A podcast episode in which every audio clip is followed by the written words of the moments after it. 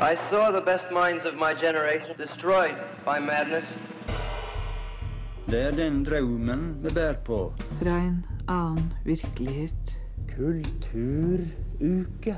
Eh, Ja, jeg heter Dag Solstad, og dere hører nå på Bokbaren, og der er altså jeg. Hei og velkommen til Bokbarn. Nok en tirsdag og nye muligheter for oss til å diskutere bra og ikke like bra litteratur. Eh, hei, Johannes. Hallo, Går det bra? det går ganske bra. Ja. Jeg har ingenting å klage på som jeg kan komme på nå, men jeg skal prøve å komme på det hvis jeg Så du Har kan det. klage litt senere i sendinga. Ja. Ja, ja, ja. Hei til deg og Emma. Hallo. Går det bra? Jeg har masse å klage på, men jeg tror ikke jeg skal gjøre det på sending. Nei. Eh, og jeg heter Siri, og jeg har det ganske bra. Eh, litt å klage på som jeg tror egentlig er felles for alle sammen til oss, er jo at det nærmer seg eksamenstid. Og derfor så er heller ikke Truls med oss i studio i dag, da. For han, eh, han har begynt å preppe hardt til eksamen, men kommer tilbake sterkere neste tirsdag. Men vi tre skal jo koses eh, veldig eh, i dag uansett. Ja. Vi har, jo, eh, vi har jo nå valgt å på en måte angripe en av de her største eh, litterære debattene som har vært i Norge egentlig siste året. Virkelighetslitteraturen. Ja, vi har det. Og vi har ikke bare, bare vært oss én forfatter, men en forfatterfamilie, kan vi nesten si. Ja. ja, for det er jo, det er jo en, en ting eh, sympto, symptomatisk for denne debatten, her, at du kan ikke debattere prinsipielt.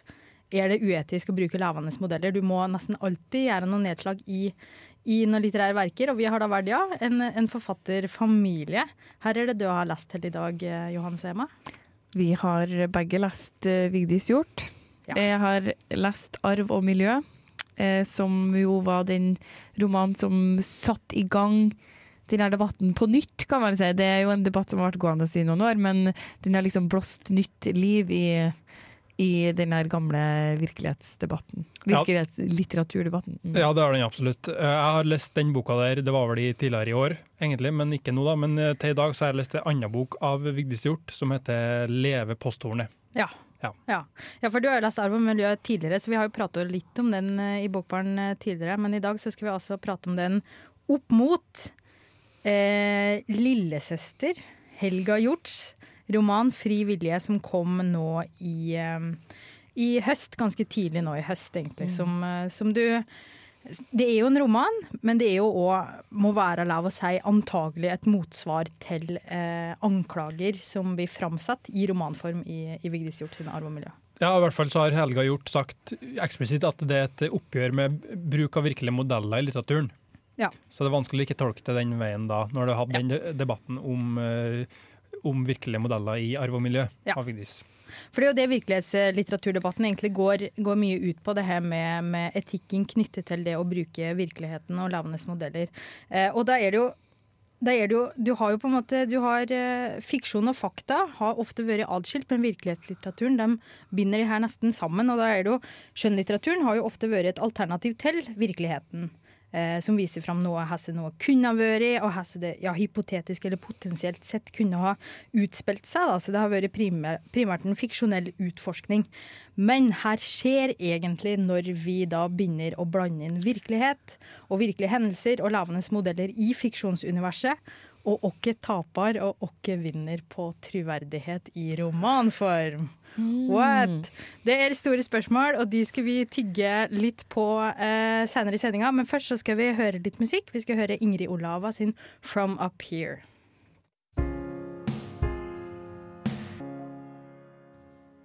Yes, vi er tilbake i studio med hjort versus hjort og virkelighetslitteraturdebatten. Eh, Vigdis Hjort ga jo ut 'Arv og miljø' i fjor, eh, veldig tidlig på høsten. Og litt etterpå så ble det egentlig Altså da ble det bare bruduljer. Hvordan startet det, Emma?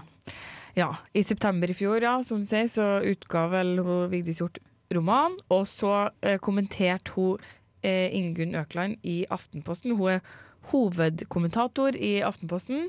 Hovedanmelder. Hovedanmelder, ja. Mm, og eh, kommentator i Aftenposten. Og hun eh, påpekte at Hjorts litterære metode er ekstremt problematisk. Det var det det, det hele starta med. Og hun trekker fram at Vigdis Hjorth bruker dokumenter fra virkeligheten. Da er det snakk om blant annet en sånn brosjyre fra begravelsen til, hennes, eh, til Vigdis Hjorth sin far, og e-mail-korrespondanse og brevkorrespondanse mellom de her søsknene som er omtalt i Arv og miljø, altså roman Arv og miljø, at det er dokumenter som er henta fra virkeligheten, og at mye av det som er beskrevet og sitert, er, er henta fra virkelige dokumenter. Mm. Og det ser vi problematisk, som sier. Men kan jo ta med deg at Vigdis Hjorth har svart på det her og sagt at alle sitat som hun har gjengitt av e-poster, sånn, har hun fått tillatelse til. Og i de tilfellene hun ikke har fått tillatelse, så har hun omformulert eller parafrasert. da. Ja. Er det da Vigdis Hjorth sitt svar, da? Ja. Så Alle vi som jobber med, med akademiske skriverier, vet jo at en parafrase beholder jo uansett meningsinnholdet. Da. Så det er jo fundert i virkeligheten, til tross for at det kanskje er omskrevet til å være mer i det Vigdis hjortske språk da, enn Ja, det tror jeg du har helt rett i. Det er jo på en måte poenget til Vigdis Hjort, at du vil på en måte ha med essensen i det som mm, kanskje skjedde i virkeligheten. da, Vil jeg nå tro, siden hun gjorde det. da. I tillegg så kan jeg uh, føye til at Inge Nøkland kommenterer at Knausgård var veldig problematisk, men han fremstiller altså forholdet til en, et sånt litt dårlig forhold til en far da, som oppleves som veldig sånn skummel og ja, nesten ondskapsfull av hovedperson. Men forskjellen forskjell i arv og miljø er at der skjer det et overgrep. At far, faren, karakteren i boka framstilles som en voldtektsmann. Altså et lovbrudd. Ja, og så mener at, at hun rett og slett anklager faren i romanen, og at det er særdeles eh, på en måte ja, bekymringsverdig. Da. At, hun, at hun egentlig begår et veldig stort overtramp med å beskylde han for å ha gjort eh, eh, straffbare handlinger. Da. Og, og det er greit nok at dette er på en måte Det kommer jo under merkelappen roman, så noe fiksjon er det jo der. Og det er jo, og, det er jo ikke virkelighet i det det er, skrevet inn i et fiksjonsunivers, i hvert fall hvis en jobber med, med rigide skilder Nei, unnskyld. Rigide skiller på det her. Og, og jeg tror et, et viktig poeng også, som, som gjøres av Helga i, i sin bok 'Fri er det her med at Eh, litteraturhistorien husker jo ikke rabalderet rundt boka, men de husker bøken. Så det er det vi veit, at det er, det er eh, faktiske ting som Vigdis Hjorth skriver om, så vil, vil det vil forbli i litteraturhistorien.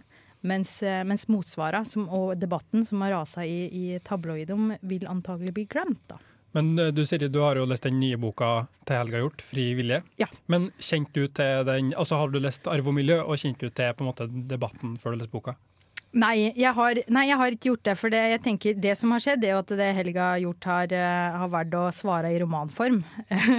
som kanskje er Og det tenkte vi skulle prate litt om, om det er egentlig det beste motsvaret på en, på en slik type anklage som Vigdis Hjort muligens framstiller i sin arv og miljø.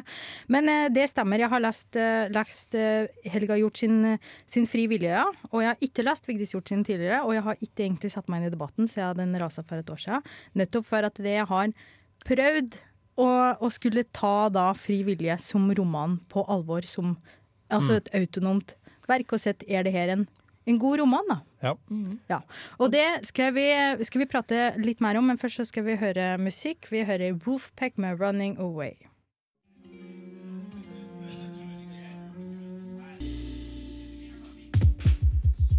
Eh, Ja, jeg heter Dag Solstad, og dere hører nå på Bokbaren, og der er altså jeg. Det er Dag Solstad. Nei, jeg bare tuller. Eh, Etter litt eh, deilig klassisk soul, så skal vi bevege oss over på en, eh, noen klassiske forfatterskap, holdt på å si. Eller i hvert fall søstera til et ganske klassisk forfatterskap. Helga Hjort har jo skrevet romanen sin 'Fri vilje' i veldig stor grad som et motsvar til Vigdis Hjort sin 'Arv og miljø'. Her syns du egentlig bare sånn, helt kort først, her syns du om det grepet?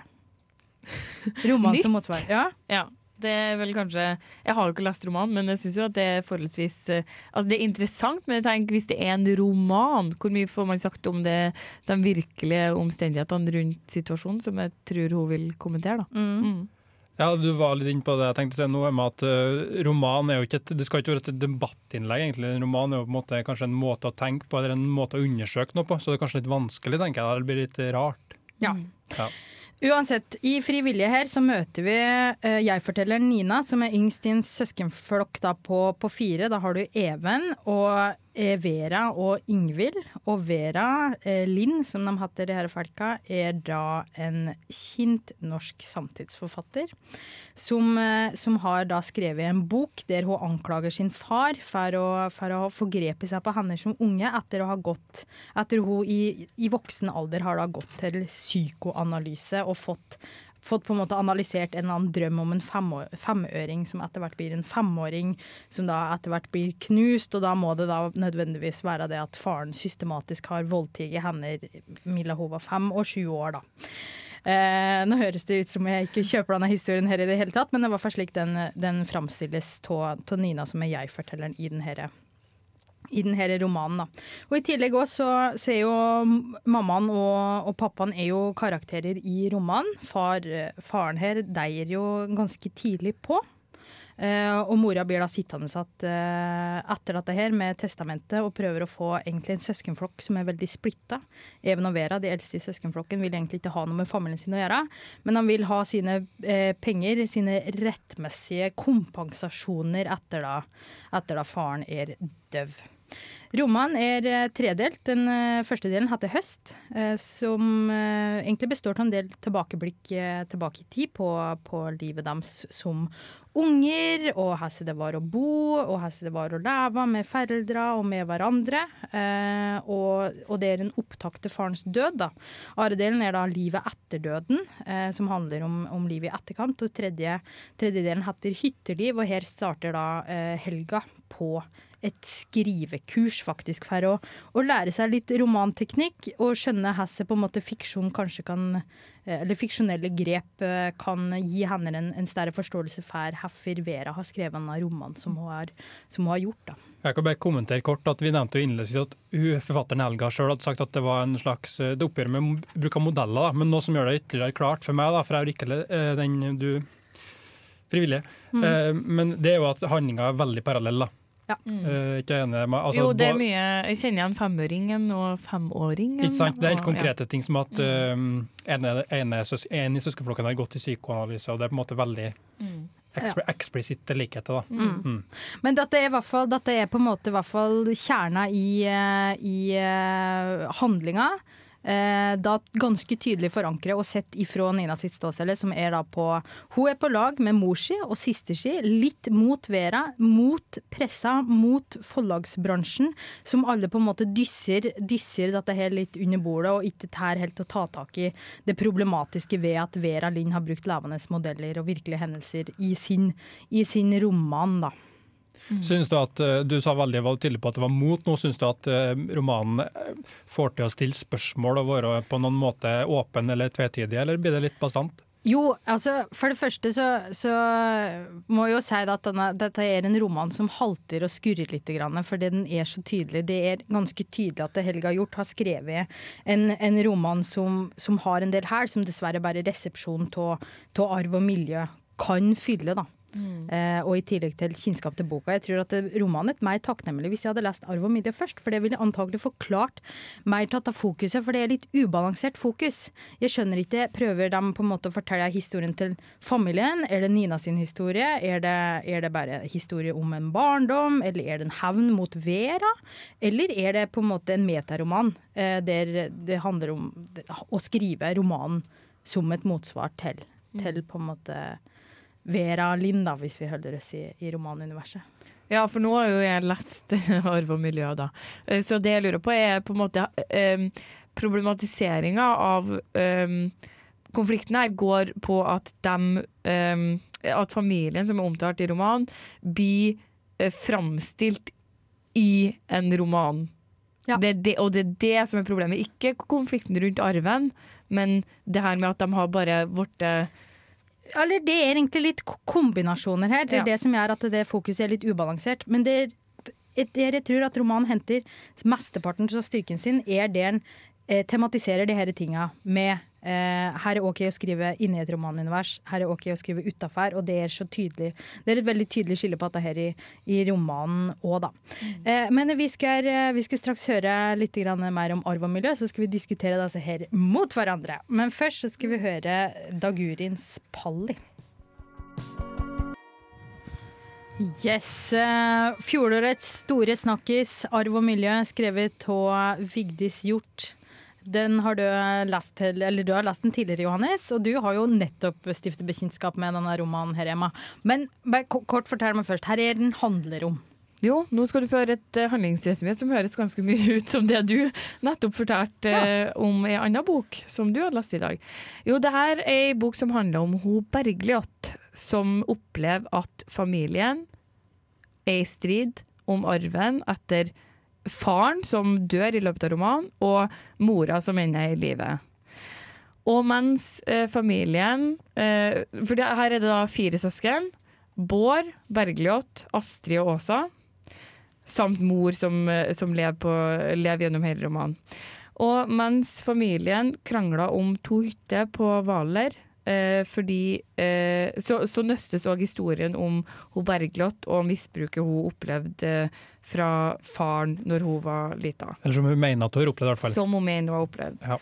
Og eh, måten hun har kommet fram til det, eh, er at hun har gått i psykoanalyse eh, etter å ha opplevd at hun fikk anfall etter å ha skrevet Hun skriver teater, og hun fikk anfall flere ganger etter å ha skrevet teaterstykker. Og så så hun hva det var hun hadde skrevet på når, når hun hadde fått anfall, og det var, det var ting som omhandla incest. da.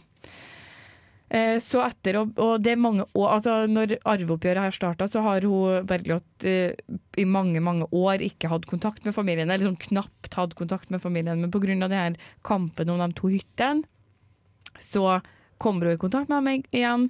Og da blir liksom hennes kampsak å få formidla hva som faktisk skjedde med henne og, og faren. Mm, kan jo tillegge til at En liten kime til konflikten er at eh, de andre søsknene som har vært mer nært med mora og faren, har på en måte tatt seg av hytta sånn, gjort sånn forefallende arbeid, sånn, mens Bergljot har ikke. Så begynner det på en måte som en krangel. Så de blir skilt der og da, på en måte. da, Ja. og litt satt opp mot hverandre. Ja, så de må gjøre et inntog inn i familien sitt liv igjen ganske, ganske raskt. Vi eh, skal ha en liten pause, og så skal vi høre litt mer eh, musikk. Hei, hei. Eh, Dette er Vigdis Hjort. Jeg liker navnet på denne radiokanalen, Radio Revolt. Hør på magasinet Bokbarn. Det å sitte på bar og lese bok, det er ikke det verste. Det er virkelig ikke det verste å sitte på bar og lese bok, og etter å ha lest litt eh, Eller lest hva Helga Hjorts framstillelse av i Vigdis, så tror jeg på at det er noe Vigdis ratt gjør en del. Ja, det, ja, det tror jeg. Ja. òg. Det er jo ikke Ja. hemmelighet i Litteratur-Norge at hun er sånn, eh, man kan se for seg med rødvin på bar. Ja. Det kan man være. Ja, nei, Etter det- diverse kjøring og fengsel. Det er jo, det er jo et fakta, ikke det? Hun er også Jo, dømt for Ja, og jeg skrev en roman om det, og 30 dager i Sandefjord Mm, handler ja. om da Vigdis Hjorth satt i fengsel for og med filtkjøring. Men Ja. nå har jeg også da skrevet roman om kanskje eh, at eh, en far har, eller faren hennes har foregripet seg på henne, da. Ja. Ja, Og det er jo et Ja, ok, jeg Ja. bare tenkte å si at det skal man jo ikke eh, Nei, det er akkurat det. nødvendigvis gå ut fra at det er hun, men Nei, og en annen ting er at det er akkurat det her med kanskje. Eh, om vi kan lese inn Vigdis Hjort i romanen eller ikke, det er jo ett spørsmål. Men jeg tror òg at eh, en ting som jeg virkelig opplevd som leser av Arv og miljø, er at det her, den overgrepshistorien som blir formidla i Arv og miljø, det er ikke en um, på en måte, Det er en- virkelig en uh, historie som er opp for tolkning, den òg. Altså, du får eh, en historie om ei voksen dame som opplever som jeg sa, at hun får anfall. Hun begynner å gå i psykoterapi, og der eh, begynner hun å grave i fortida si, og hun finner minner som på en måte hun, hun har fortrengt eh, fra barndommen, om grove og grusomme overgrep som er begått av faren. Og jeg syns absolutt det er mulig å tolke eh, på en måte sannhetsinnhold i det her i flere retninger. Da. Jeg syns ikke at den er utvetydig altså, altså den er ikke helt klar og sikker på at uh, hun Bergljot blir misbrukt som barn. Um, historien dreier seg mer om at hun virkelig er sikker på det og ønsker å formidle det til familien sin. Hvilken type roman, altså forteller er brukt i roman? Det er en jeg-forteller, det, er en, eh, det er det. Og, eh, men det er jo mer måten hun kommer til bunns i historien sin på som kanskje altså Jeg vil ikke si at jeg ikke tror på, jeg tror på eh, jeg-fortelleren som at hun tror på ting sjøl, men det spørsmålet er mer om, om måten hun har funnet ut av ting på kan stemme, da. Mm, men det er jo et viktig poeng der med jeg-fortelleren. For det er jo ikke bare en jeg-forteller som forteller om som en historie. Hun på en måte prøver jo å nøste opp i minner og ting som hun kanskje mistenker skjedd, eller som hun tror har skjedd. Og vi snakka litt om i stad før sending at vi leste romanen på litt ulike måter. Eller jeg vet ikke om vi gjorde det, men i hvert fall at vi hadde opplevd den litt ulikt. Og det er sånn styrke ved romanen, vil jeg si. da. At du, du tenkte som så at uh, hun Det kan godt hende at Bergljot ikke har opplevd det hun har opplevd. Men så har jeg satt igjen med mer med det inntrykket at hun har nok det, at hun ikke blir trudd. Ja. Men, og jeg tenker at det, um, For min del så virker ikke du, din lesning feil heller. Og det er styrken med romanen. Mm. Den undersøker nettopp det uten å være bastant. Mm. Og uh, Vigdis Hjorth kommenterte annet det i, når hun snakka om resepsjonen, at det som hadde overraska henne, at det, den har ikke blitt lest som en roman. Som da kan leses sånn som vi snakker om nå.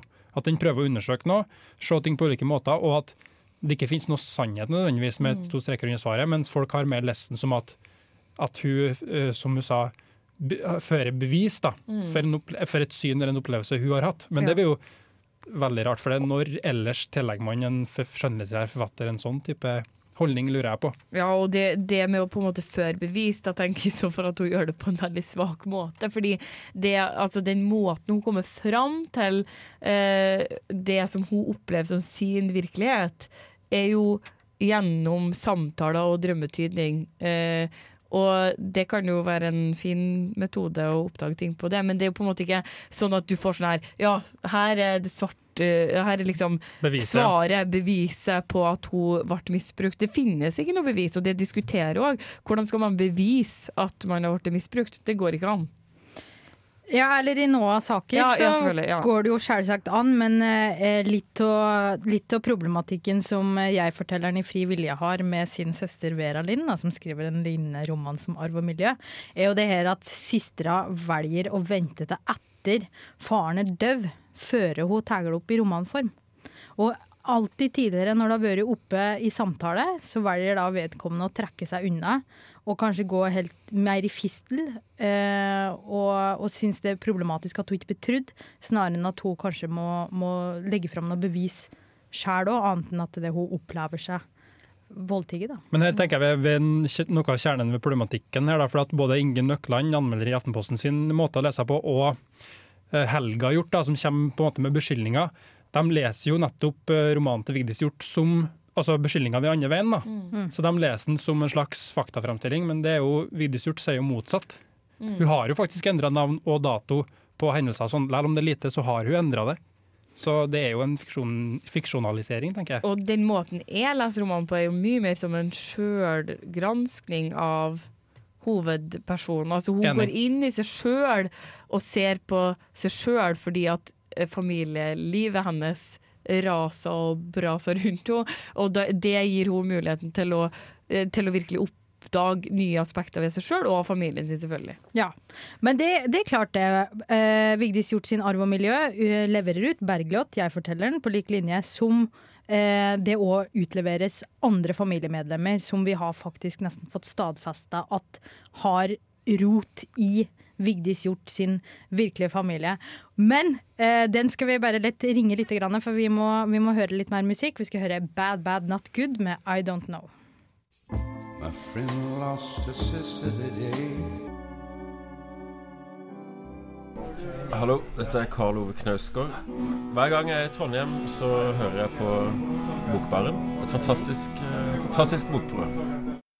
Takk for det, Kalle. Du, er, eh, du hører på Bokbaren, som sagt. Vi diskuterer jo Vigdis og Helga Hjorts respektive romaner eh, 'Arv og miljø' og motsvaret da 'Fri vilje'. Og en av de her ideene som Helga framsetter i sin roman, da, som jeg tror egentlig, som vi ser i debatten i virkelighetslitteratur nå, at kanskje er litt gjeldende, faktisk. At hvis en forfatter skriver bra nok, eh, med rot i virkeligheten, levende modeller og virkelige hendelser, så slipper de unna med det, for det er kunst, det er, det er bra. Men hvis en forfatter skriver dårlig om det, da er det på en måte dårlig gjort, og da er det forfatteren det står på. Mm. Ja. Jeg har ikke noen sånn referanse, bare, men jeg mener husk på at det ble, eh, tonen var litt sånn Knausgård òg. At ja, men den skriver så bra. At Ja. det var nesten unnskyldt. Um, ja. Ja, det var jo det. Ja, og Erik Bjerk Hagen, som er professor i litteratur ved Universitetet i Bergen, sa det her da Vigdis Hjorth sin bok eh, kom ut. Så han sa at her går det på kvalitet, da. At uh, uh, ja, at mange, help, mange gjør det her, men da er det avhengig av kvalitet. Hvis det er en god roman, så er det greit. Hvis det er en dårlig roman, så har du trådd over i Shit, det er å gå langt, sånn som han professoren just, gjorde, da, kategorisk. Så ja, sånn er det. Det er Ja. lov. Erik Bjerkhagen er jo litt kontroversiell i er? Litteratur-Norge øvrig. ja, Faktisk, har, ja, Jeg skal ikke gå inn på herfor nå, men, eh, men eh, han er det. Um, men ah, shit, nå mista jeg tråden min. Eh, Ja, men kan jeg bare si at uh, som vi nevnte tidligere, jeg har lest um, 'Levepostordene' som en annen roman av Vigdis Hjort. da. Og jeg har også lest 'Arv og miljø'. Jeg kan i hvert fall si det at uh, om hun unnskyldes, ja, den, det er jo en egen debatt, men vi kan i hvert fall si det at den romanen som jeg har lest i dag, også, da, 'Levepostordene', er en veldig, du har jo lest den, Siri, er en veldig god roman. Det er en veldig godt narrativt driv, og den er underholdende, så mye humor. Og, den, og den, jeg synes den gjør en ting som er veldig bra, den, for det, jo, det handler om innføring av EUs tredje postdirektiv. Så den på en måte tematiserer av samfunnsendringer og den, det følgene det får for menneskene. Da. Så ja. ja.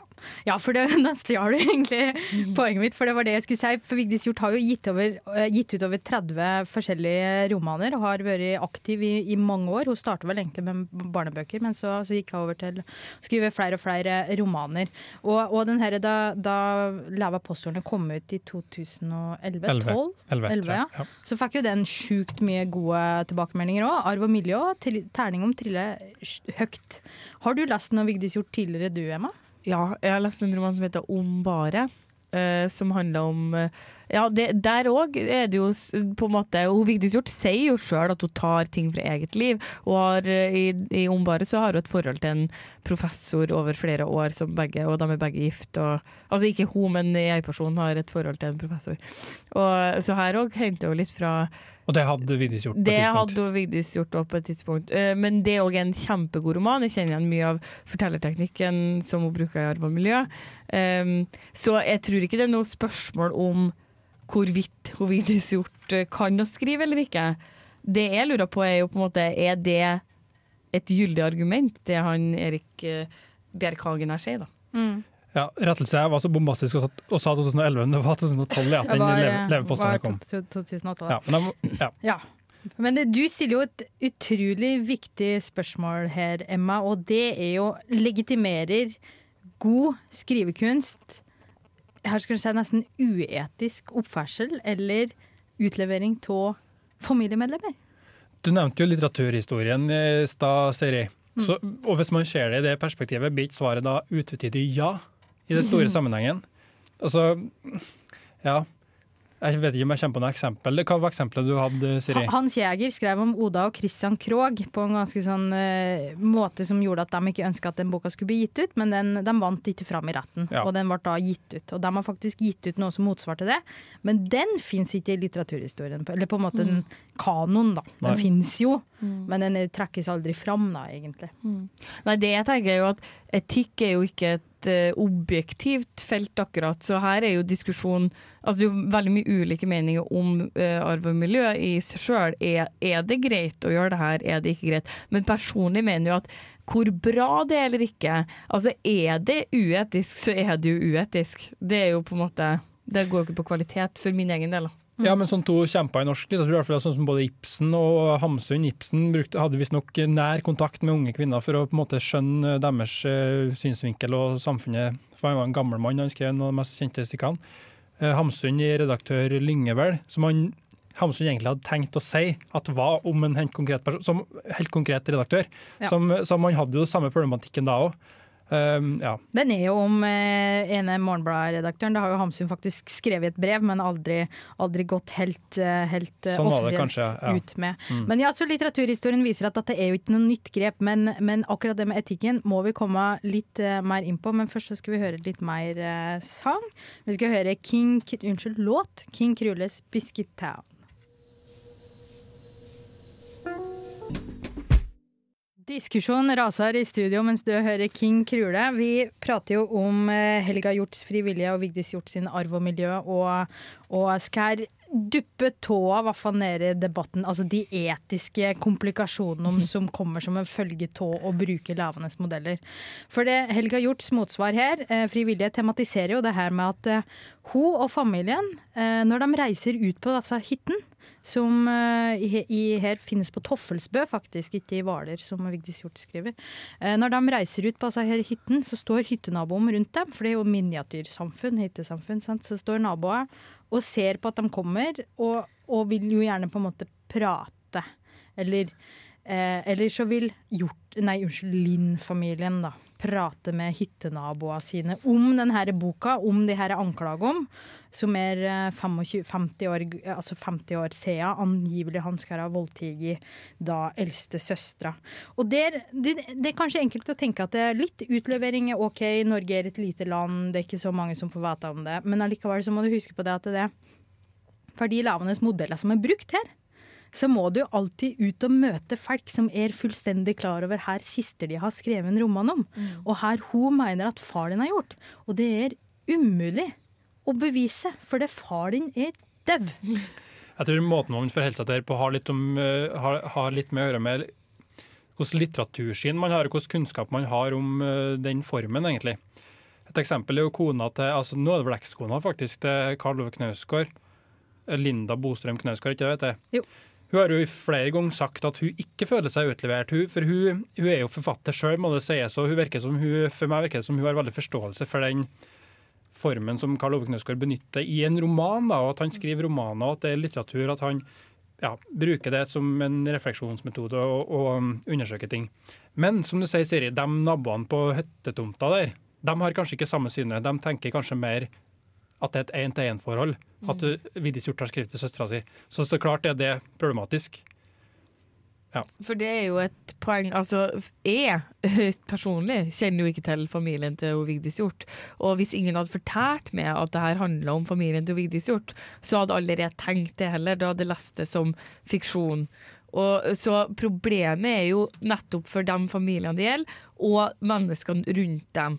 De som kjente personene, eh, som jo faktisk kan være ganske stor gruppe. da. Ja, Dere er helt enig med dem, og jeg tenkte også det samme da jeg leste boka. For, at, for jeg jo gjorde det, leste den uten å ta inn debatten. Og jeg tenkte Det var en veldig god roman som står helt for seg sjøl, uten verken debatten eller motsvaret til, til Helga Hjort. Mm. Det kan vi kanskje ikke si om Helga Hjort sin roman, Siri? Nei, jeg tror den, den, må, stå, den må stå i forlengelsen av eh, Vigdis Hjort sin arv og miljø og, og den resepsjonen som har vært, og den debatten som har vært i etterkant, egentlig. Ja, Nå har jo ikke jeg lest uh, den romanen som du har lest i dag, Frivillige, men, men jeg tenker, har hun kryssa noen grenser? Har hun Helga gjort kryssa noen grenser i forhold til hva som er greit å si? Utleverer hun noen på noe vis i sin roman? For det er jo det hun egentlig vil diskutere, at i virkelighetsromanen uh, så henger det ut eh, virkelige mennesker.